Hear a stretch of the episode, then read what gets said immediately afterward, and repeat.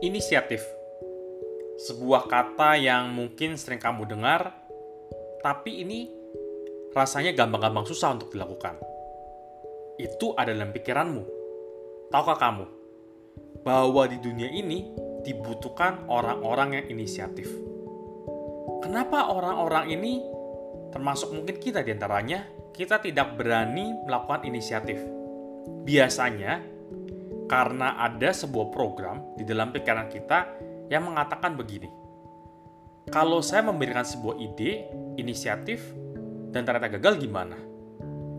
Kalau ide saya ini terlihat konyol, gimana? Kalau ternyata inisiatif saya ini nggak berjalan, terus gimana? Malu dong. Seringkali ketakutan-ketakutan inilah yang akhirnya membuat diri kita lumpuh. Kita perlu belajar. Tidak ada namanya 100% berhasil dan tidak ada juga namanya 100% gagal. Tentunya kalau kita nggak lakukan sama sekali, pasti ujung-ujungnya gagal. Setiap tindakan kita, ide kita, inisiatif kita, peluangnya selalu 50-50. 50% berhasil, 50% gagal.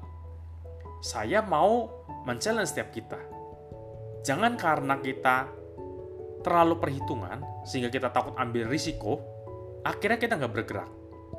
Cobalah, lakukan sesuatu yang berbeda, inisiatif.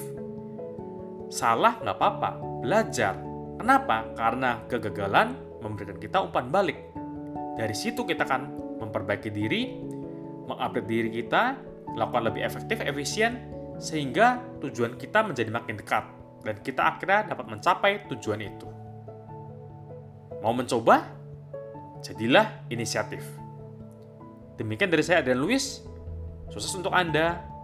God bless you.